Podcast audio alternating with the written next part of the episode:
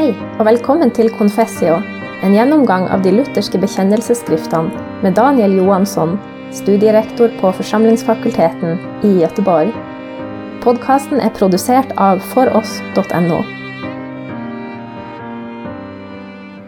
Vi fortsätter vår genomgång av våra bekännelseskrifter. Vi har idag kommit till den Augsburgska bekännelsens fjärde artikel. Vi har alltså i de tre föregående artiklarna mm, eh, talat om Gud, om ursprungssynden i den andra artikeln och om Guds son i den tredje artikeln. Och nu kommer vi till själva rättfärdiggörelsen som handlar om hur människorna kan stå rättfärdiga inför Gud. Texten ska komma upp på skärmen och ni som är här i kyrkan kan följa med i, i bekännelseskrifterna. Den är formulerad på följande sätt, den fjärde artikeln.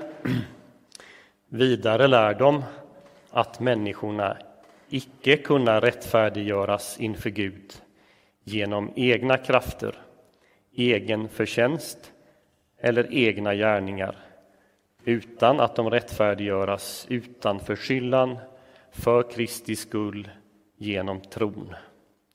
När de tro att de upptagas i nåden och att synderna förlåts för Kristi skull, vilket genom sin död åstadkommit till fyllestgörelse för våra synder. Denna tro tillräknar Gud som rättfärdighet inför honom. Romarbrevet 3 och 4.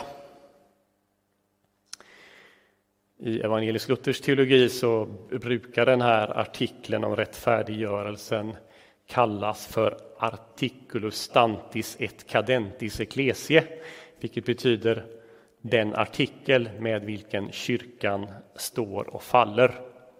Det säger någonting om hur viktig den är. Men redan här i den här formuleringen så förstår vi att den är helt och hållet beroende av vad vi lär om Kristus och det han har gjort för oss.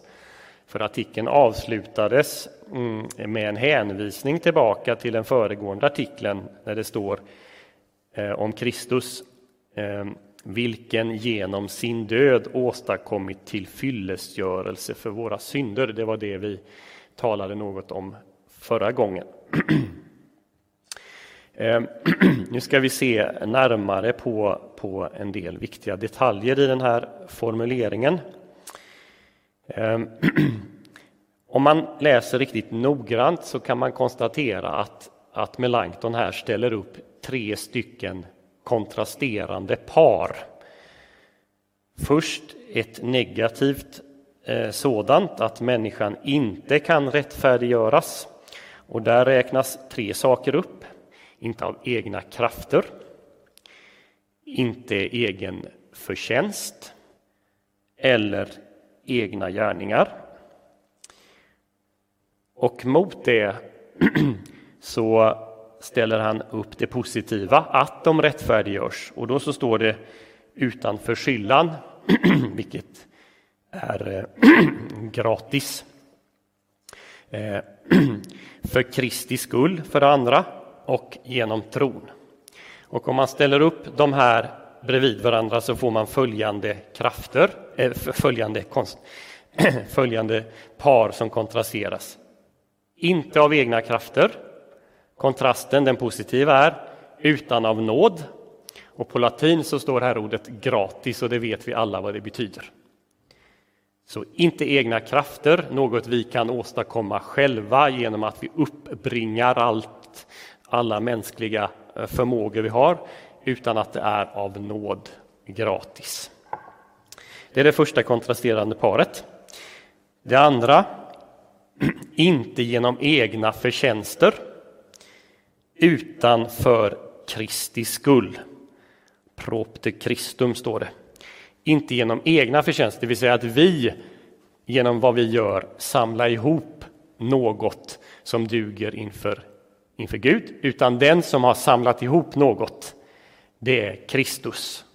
Dels genom sitt perfekta, fullkomliga liv här på jorden och dels genom sin offerdöd. Det är hans förtjänst.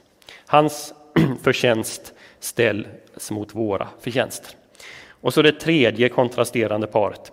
Inte genom gärningar utan genom tro är fidem. Inte genom gärningar, det vill säga att rättfärdiggörelsen inte hänger på det vi människor gör utan på att vi har emot det Kristus har gjort genom tron. Jag fördjupa eh, några av de här sakerna ytterligare. Men man kan sammanfatta det hela så här att om, om någon skulle fråga er eh, vad, vad innebär rättfärdiggörelsen egentligen? Då är den korta evangeliska definitionen att människan rättfärdiggörs av nåd för Kristi skull genom tron. Och den är hämtad här. Av nåd för Kristi skull genom tron. Och så fortsätter det, när de tro. Vad då när de tro? Jo, vad är det de ska tro? Jo, att de upptas i nåden, det vill säga att Gud är nådig mot dem, och att syndernas förlåts för Kristi skull. På grund av det han genom sin död har åstadkommit, nämligen genom att göra tillfyllest för våra synder. Och då kan man fråga sig vad, vad betyder det här att tro då enligt evangelisk luthersk uppfattning? Jo, senare så kom man, när man definierar de här sakerna tydligare och, och tydligare, att beskriva tron som att den innehåller tre moment. För det första så handlar det om kunskap eller insikt. Man måste veta vad man ska tro på. Eh, och det har vi här. Eh, att man ska tro på att man upptas i nåden och att synderna förlåts för Kristi skull, nämligen för det han gjorde på Golgata. Eh, det andra, förutom kunskapen, så handlar det om att instämma i den kunskapen, att, att säga, intellektuellt bejaka den. Ja, det är sant att Kristus verkligen dog och, och jag tror att att Bibeln lär att Jesus på det sättet gick in i mitt ställe, tog det straff som jag hade förtjänat. Eh, men den innehåller också ett tredje moment och det är väl reformationens stora och viktiga bidrag, nämligen förtröstan. Fiducia står det på latin, förtröstan. Ehm, nämligen att det handlar inte bara om att ha den intellektuella kunskapen utan det handlar om att, att med hjärtat instämma i den och tro att det här är för mig. Kristus har liksom inte bara dött i allmänhet och skaffat en rättfärdighet i allmänhet utan den gäller mig, mig. De tre sakerna är viktiga att man håller ihop. Det finns en objektiv kunskap att instämma i. Ehm, men det handlar också om att med sitt hjärta förtrösta på det, lita på det. Jag vet på vem och vad jag tror på. När det nu står att man blir rättfärdiggjord genom tron, vad betyder det då? För man kan ju tänka sig så här att om man nu avvisar att man blir rättfärdiggjord genom gärningar man gör som skaffar en förtjänst, så ställer den lutherska bekännelsen här upp en annan gärning, en gärning som kanske är ännu svårare.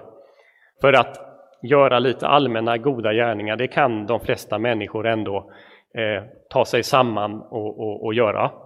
Men att liksom åstadkomma en sån här tro, eh, är, det, är det möjligt?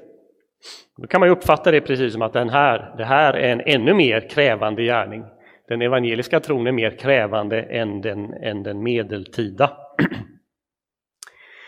Men nu är det inte så att, att eh, eh, tron ska uppfattas just som en gärning, som något man gör. Utan tron är ett redskap eller ett verktyg. Man brukar säga så här, tron är inget verk, en gärning, utan tron är ett verktyg. Och så illustrerar vi med det till exempel med den, den öppna handen som tar emot det som redan är klart. Man brukar säga så här att tron är ingen verkande orsak till frälsningen, för det är vad Kristus har gjort, utan det är det instrument genom vilket frälsningen tas emot.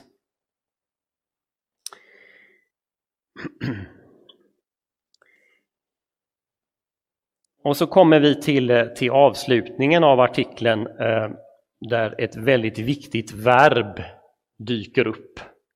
Det står så här. Denna tro tillräknar Gud som rättfärdighet. Nu ska vi veta att eh, det finns en, en viktig medeltida bakgrund till det som står här. Den utsägs inte, utan den får man liksom ta för given. Vi kan också notera att här finns ingen polemik, det står ingenting att vi, vi avvisar, vi förkastar eh, de som lär annorlunda. Eh, men den teologiska bakgrunden är att, att stora delar av den medeltida kyrkan lärde på ett annat sätt, eh, åtminstone de stora teologerna. Och om man ska förenkla det hela så tänkte man på följande sätt. Att, att Gud ingjuter en nåd i människan. Det är ungefär som en, en blodtransfusion eller, eller att man får någon slags vitamininjektion i människan. Och den, den nåden som Gud har ingått, den skulle göra så att människan kunde börja göra goda gärningar. Och de goda gärningarna i sin tur, som människan verkligen i sig gjorde, de skulle leda till att, att människan stod rättfärdig inför Gud. Att det verkligen fanns någon slags verklig rättfärdighet i människan själv.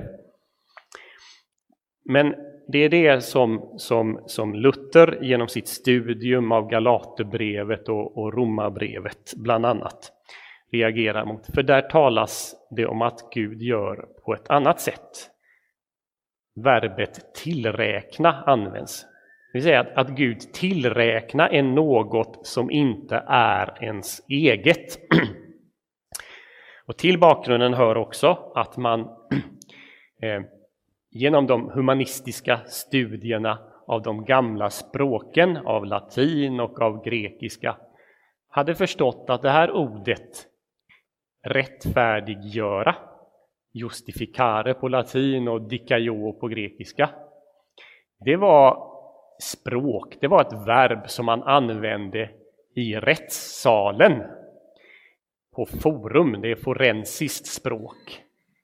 Det är rättsterminologi. Och när man tittade på hur man använde det ordet i antiken så förstod man om att, att det användes just för att förklara någon för rättfärdig. Att tala om att den här personen är oskyldig, inte skyldig. Eller skyldig. Så rättfärdiggöra innebär att Gud förklarar någon. Och därför väljer Melanchthon här att ta upp ett annat ord som Paulus också använder, att Gud tillräknar. Och det som tillräknas människan, det är det som Kristus har förtjänat. Det är Kristi förtjänst. Det han positivt har åstadkommit genom sina fullkomliga, alltigenom goda gärningar och det som han har åstadkommit genom att sudda ut vår synd på korset. Tillräknande. Och här gör Melanchthon då en explicit hänvisning till Romarbrevet 3 och 4 och de kapitlerna. Nu var det ju så, det har vi talat om tidigare, att när det här hade lämnats fram till kejsaren så fick de påvliga teologerna läsa det och granska det. Eh, och eh, i de tre artiklarna vi har läst hittills så har de egentligen inte haft så stora invändningar. Men när man kommer till den fjärde artikeln och in, eh, om rättfärdiggörelsen så förstår vi av Melanchtons apologi att man förkastade den läran och den bekännelsen som framställdes här. Det gav Melanchthon anledning att, att skriva ett, ett väldigt långt avsnitt om rättfärdiggörelsen i, i sin apologi. Eh, det handlar väl om i, i, i runda slängar sådär en, en 70-80 sidor. Eh, och det har vi inte möjlighet att, eh, att gå in eh, på mera eh, just, just nu. Vi kan bara konstatera att, att man, man förkastade det. Och vad man, inte, vad man inte gillade, det var just det här att det var något, en, en främmande rättfärdighet som tillräknades människan. Man ville se att det fanns något i, i människan. Men så menade reformatorerna, så lärde inte Bibeln, så lärde inte Paulus, utan rättfärdigheten handlar om att vi blir tillräknade det Kristus har gjort. Och så kunde man tala om att, att som kristna är vi på en gång helt och fullt rättfärdiga och rena för Kristi skull, men också helt och fullt syndare.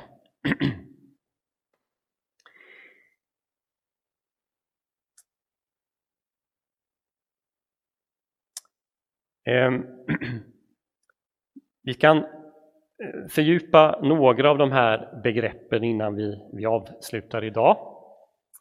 Eh, som sagt, Melanchthon han hänvisade till Romarbrevet 3 och 4 och man kunde väl kanske till och med hänvisa till hela avsnittet Romarbrevet 1 till 5.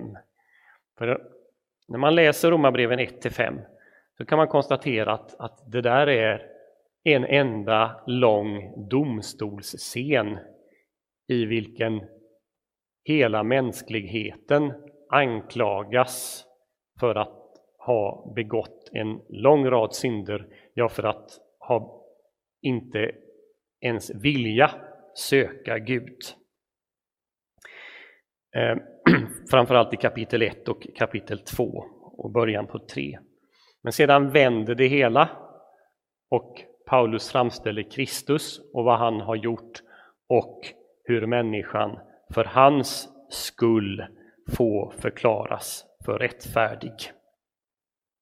Ingen rättfärdig finns, säger Paulus i Romarbrevet 3.10. Var mun ska tillstoppas?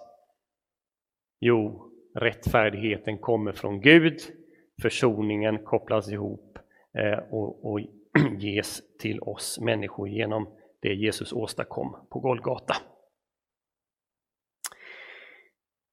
Nåd är ett annat sånt här begrepp som vi kan säga lite mer om.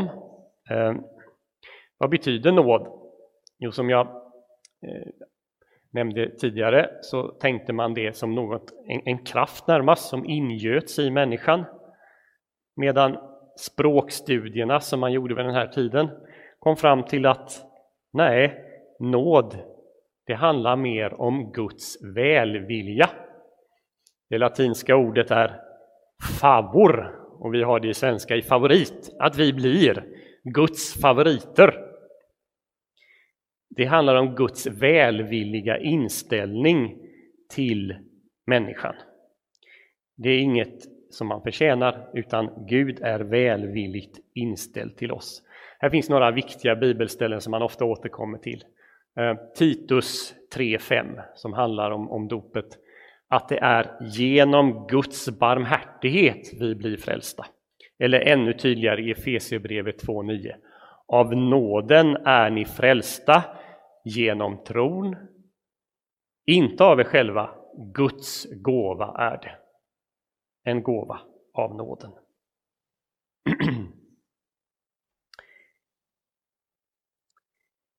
Till sist bara något kort också om det här med gärningar. Man kan ju tycka att alla medeltida teologer borde ha förstått att, att gärningarna inte var involverade när Paulus på så många ställen, framförallt Paulus, talar om att, att man inte blir en kristen genom laggärningar, genom lag. Det står det på så många ställen i Romarbrevet, i Galaterbrevet, i Efesiebrevet och i Titusbrev och på andra ställen. Hur resonerar man då?